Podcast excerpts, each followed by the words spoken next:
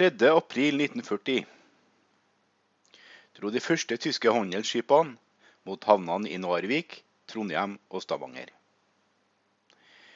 Her skulle de ligge klare med våpen, drivstoff og forsyninger når det endelige angrepet fant sted. Tre dager senere dro de første tyske troppetransportskipene mot Norge. Og 7.4.1940 dro de første tyske krigsskipene mot norskekysten. Utpå natta dro hele den tyske krigsflåten til sjøs. Været ute i Nordsjøen var dårlig da de tyske skipene seilte mot Norge. Dette var en stor fordel for tyskerne. Men operasjonen gikk ikke helt på skinner. 8.4 la britene ut miner langs norskekysten. Men tyskerne visste hvor minene ble lagt. Handelsskipene som skulle ligge klare i havn, var forsinka. Tyskerne trodde at operasjonen var over, da et tysk troppetransportskip ble skjenka av en polsk ubåt utafor Lillesand. Og tyske soldater i feltuniform svømte i land. Det var vanskelig å holde en slik operasjon hemmelig. Utenlandsk etterretning hadde registrert at mange skip og et stort antall soldater hadde samla seg i tyske havner. Noe stort var på gang. Norske myndigheter hadde også fått slike opplysninger. Tyskerne klarte å lure den britiske marinen. Det skyldtes det dårlige været som var ute i Nordsjøen. Britene trodde at de tyske krigsskipene skulle ta seg ut i Atlanterhavet.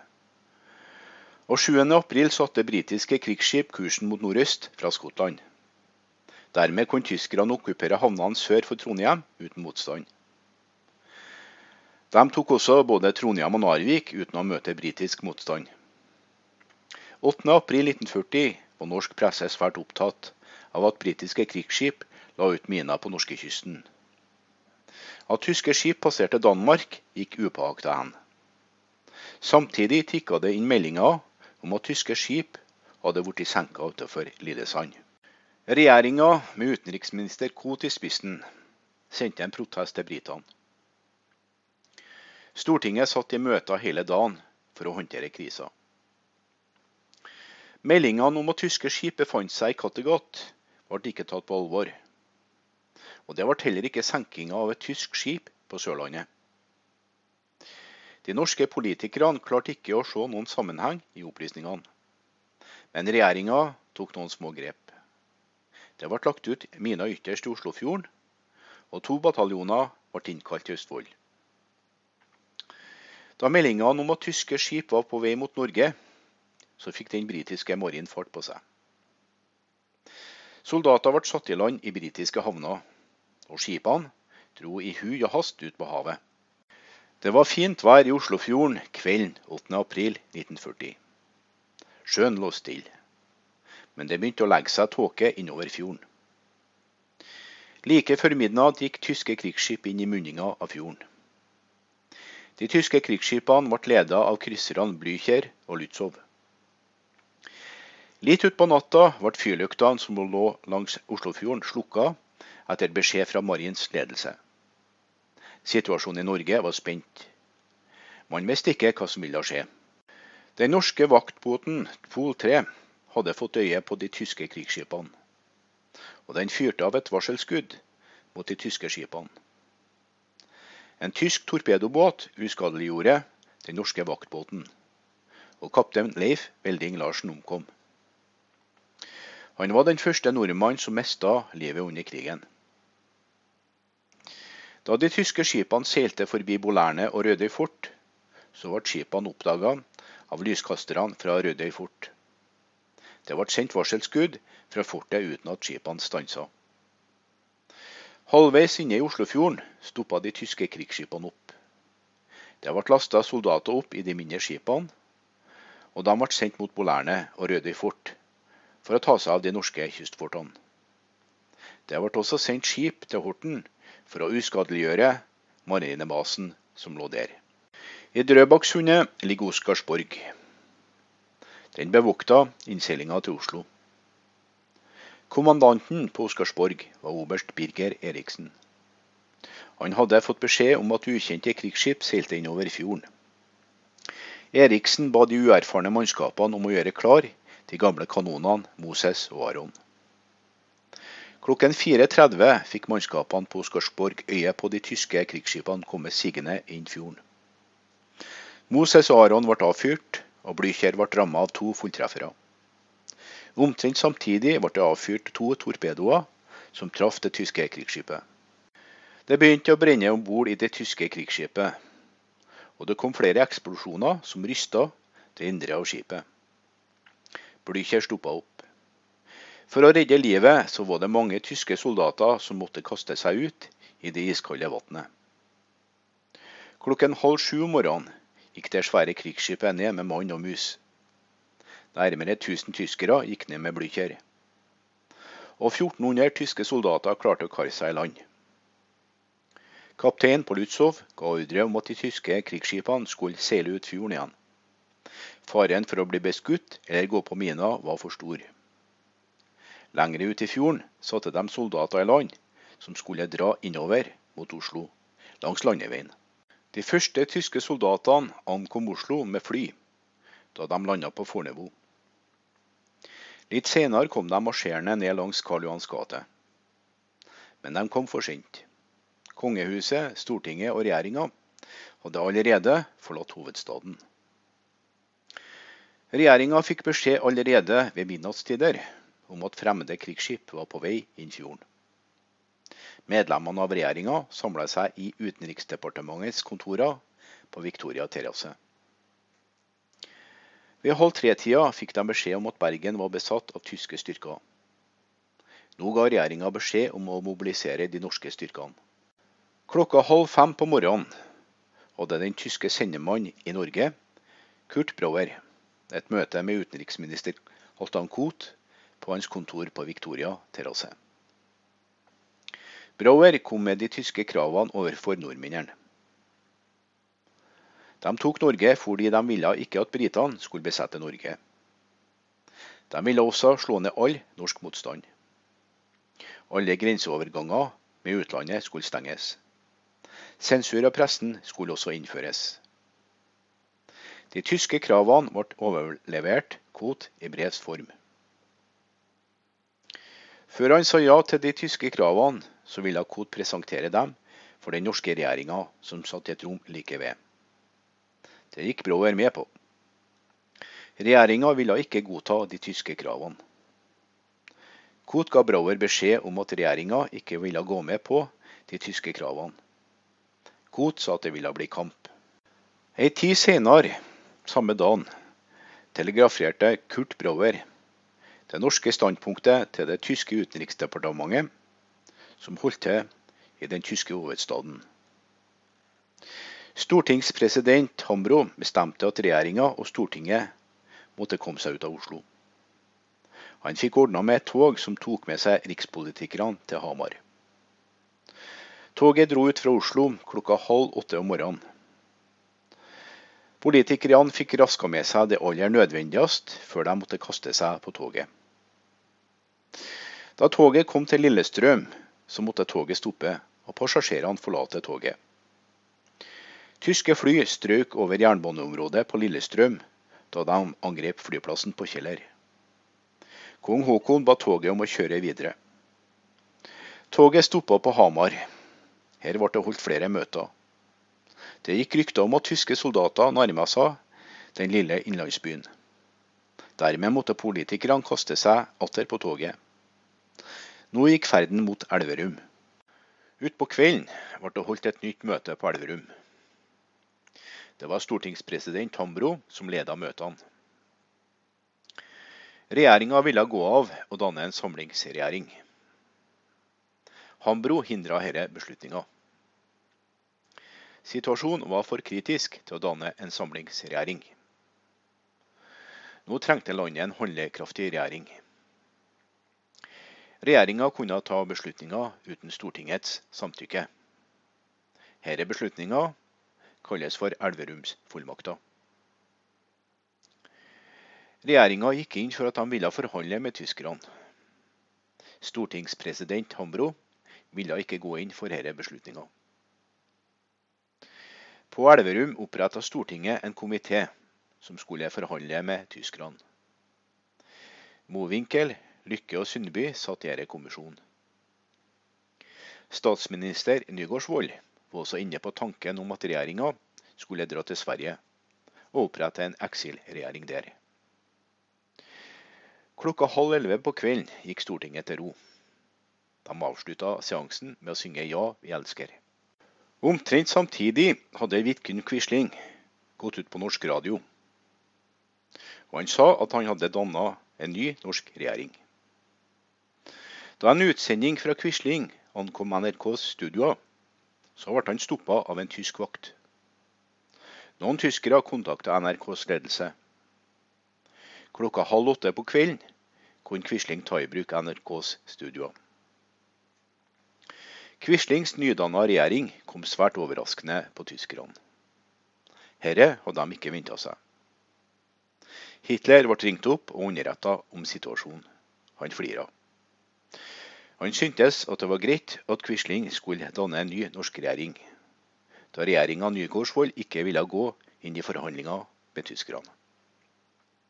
Quislings regjeringsdannelse kom også uforvarende på NS. Mange av dem som var utpekt som ministre i Quislings regjering, ville ikke være med. Mange NS-medlemmer meldte seg ut mens andre strømma til. Det var faktisk også NS-folk som kjempa mot de tyske inntrengerne under felttoget i Norge. Nå hadde Norge faktisk to regjeringer. Det var Nygaardsvolds lovlige regjering og Quislings opprørsregjering. Mange nordmenn ble sinte på Quisling. Tyskerne gikk seg raskt på at Quisling ikke var noen populær skikkelse i Norge. Men Hitler stilte seg bak Quisling og støtta han. 9.4.1941 sendte tyskerne 100 fallskjermjegere etter den norske regjeringa og Stortinget. De skal ta de norske politikerne til fange. De tyske soldatene ble ledet av kaptein Spiller. Veiene var fulle av flyktninger. Men de tyske soldatene møter liten motstand men den norske regjeringa får høre nyss om at tyske soldater er på vei for å arrestere dem. De drar derfor nå mot Elverum. På Midtskogen, som ligger midt mellom Hamar og Elverum, blir det laga forsvarsinnretninger av tømmer. 90 mann ligger i stilling her. De er klare til å ta imot tyskerne. Hele tida strømmer det norske flyktninger forbi de norske forsvarsstillingene. Utpå natta kom de tyske bussene. Det oppsto en skuddveksling mellom de norske og tyske soldatene. Nordmennene sloss godt. Kaptein Spiller ble alvorlig såra. Dermed dro de tyske soldatene tilbake til Oslo. Politikerne valgte å overnatte på Elverum. De var helt utslettet. Men tyske styrker nærma seg Hamar utpå natta. Dermed ble politikerne vekt. Flesteparten av statsrådene dro i retning Nybergsund i Trysil. Koht valgte å bli igjen på Elverum. På Elverum ble det avtalt at kongen skulle møte den tyske sendemannen Kortbrauer. 10.4 dro kongen til Elverum. Han og Koht hadde et møte med Brauer. Han krevde at nordmennene skulle overgi seg, og at Quisling skulle bli ny norsk statsminister. Dette kunne kongen og Kot ikke svare ja på, for de hadde snakka med regjeringa, som oppholdt seg i Nybergsund i Trysil. Her ble det holdt et statsråd. Kongen fraråda politikerne å gå med på de tyske kravene. Hvis politikerne gjorde det, så ville han gå av som monark. Statsrådene ble sterkt påvirka av kongens tale. Dermed bestemte politikerne seg for å avvise de tyske kravene. Sendemann Brauer fikk beskjed om at statsrådenes beslutning da han tok en pause på ferden tilbake til Oslo. Nordmennene ville fortsette kampen mot de tyske inntrengerne. Trygve Lie var forsinka og kom etter de andre politikerne. På veien mot Elverum stakk han innom Hærens overkommando, som holdt til på Eidsvoll. Her råda det mismot og nederlagsstemning. Senere forflytta de seg til Rena. Her var også stemninga den samme. Da rykte om overkommandoens taffete stemning nådde regjeringa, så bestemte de seg for å erstatte general Christian Låke med general Otto Ruge. Ruge starta med å få fart i Forsvaret 11.4.1940. Ruge lyktes å oppildne de norske offiserene til kamp, og han klarte også å få til et godt forhold med regjeringa. Tyskerne hadde forsøkt å føre samtaler med den norske regjeringa, og de hadde prøvd å ta dem til fange. Begge forsøkene mislyktes. Nå ville de drepe kongen og politikerne. De norske politikerne og det norske kongehuset oppholdt seg fortsatt på Nybergsund. 11.4 klokka fem på ettermiddagen feide tyske fly innover Nybergsund. Flyene slapp bomber over tettstedet og skjøt etter alt som rørte på seg. Politikerne og kongen holdt seg på et hotell i Nybergsund. Politikerne og de kongelige kom seg så vidt unna. Ingen ble drept. Nå dro politikerne i hui og hast til innbygda i Trysil. Her holdt de møte på lensmannens kontor. Stemninga på møtet var noe opphissa. Statsminister Nygaardsvold foreslo at politikerne skulle ta seg over til Sverige. Forslaget ble nedstemt.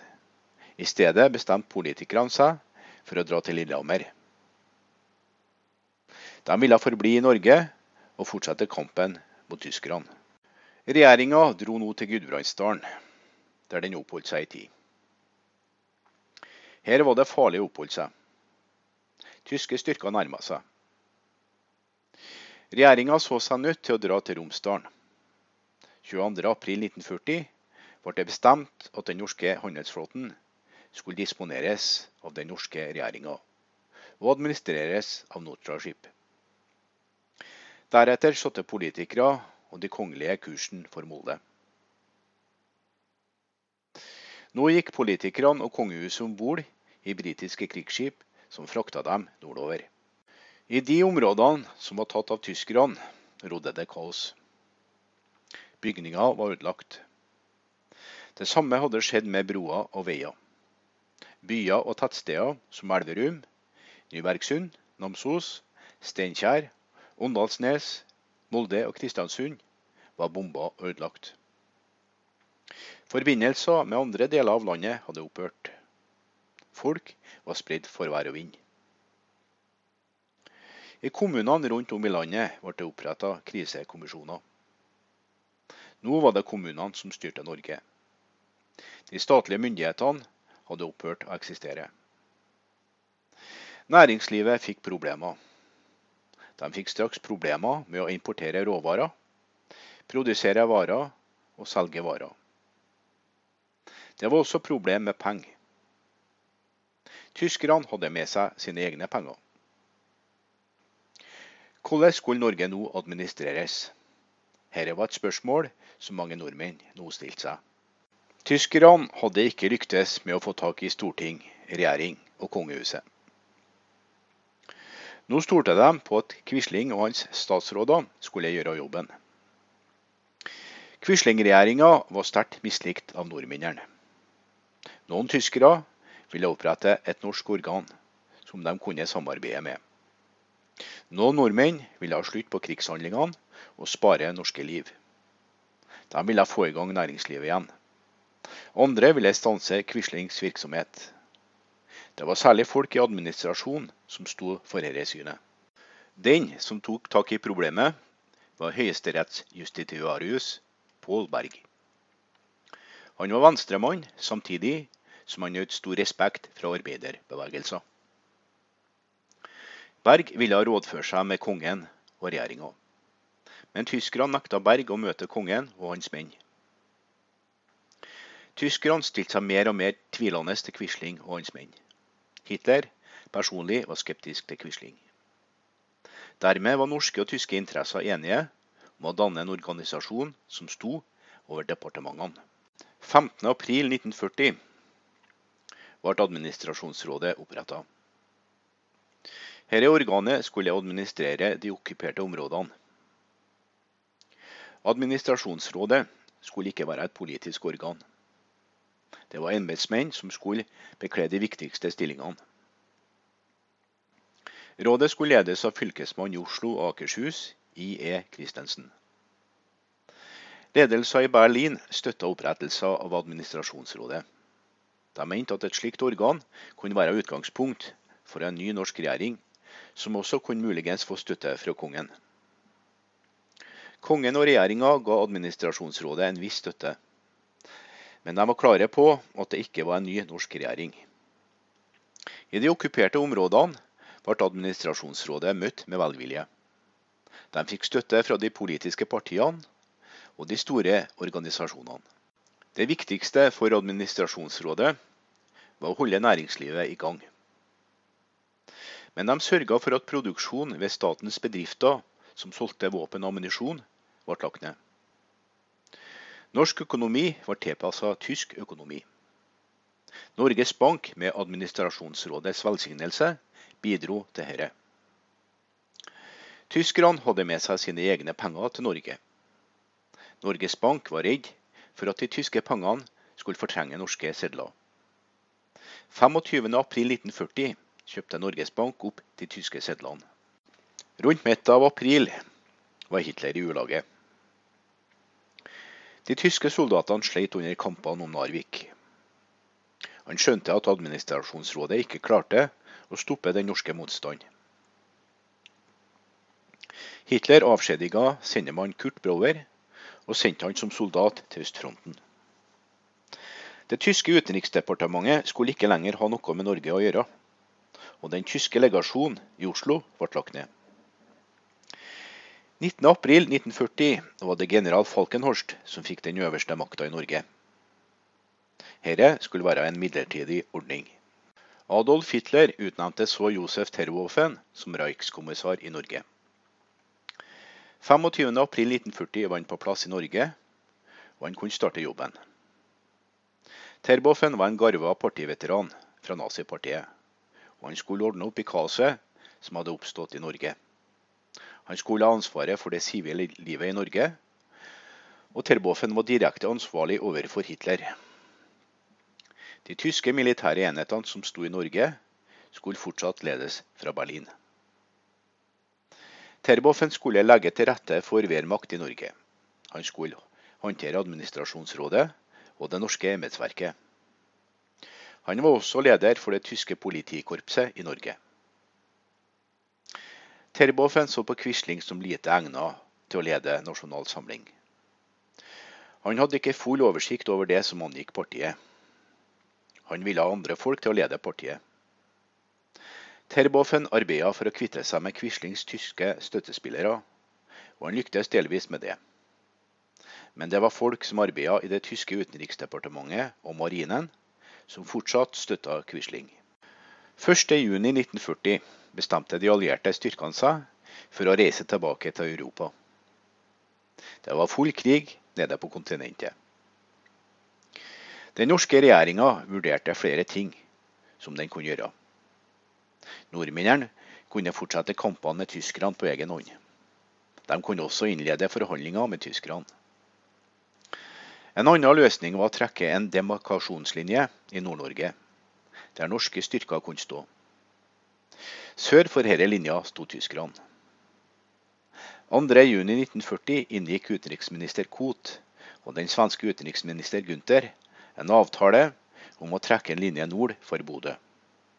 Verken nordmenn eller tyskere skulle angripe hverandre. Svenske tropper skulle stå langs denne linja. Regjeringa var ikke så motivert for å dra til Storbritannia. De trodde at britene ville tape krigen, og de ville ikke forlate folket sitt. Hvis regjeringa skulle bli med til Storbritannia, så hadde britene satt frister til 7.6.1940. Regjeringa følte seg ikke velkommen i Tromsø og Nord-Norge. Det var lite støtte å få fra Sør-Norge. Det var også gnisninger innad i regjeringa. 6.6.1940 bestemte regjeringa seg for å dra til Storbritannia. Dagen etter om kvelden dro regjeringa og kongehuset med den britiske krysseren Devonshire til England. Norske krigsskip og militære fly ble beordra om å ta seg til Storbritannia på egen hånd. General Fleischer ble også med. Han skulle være sjef for de norske styrkene i Storbritannia.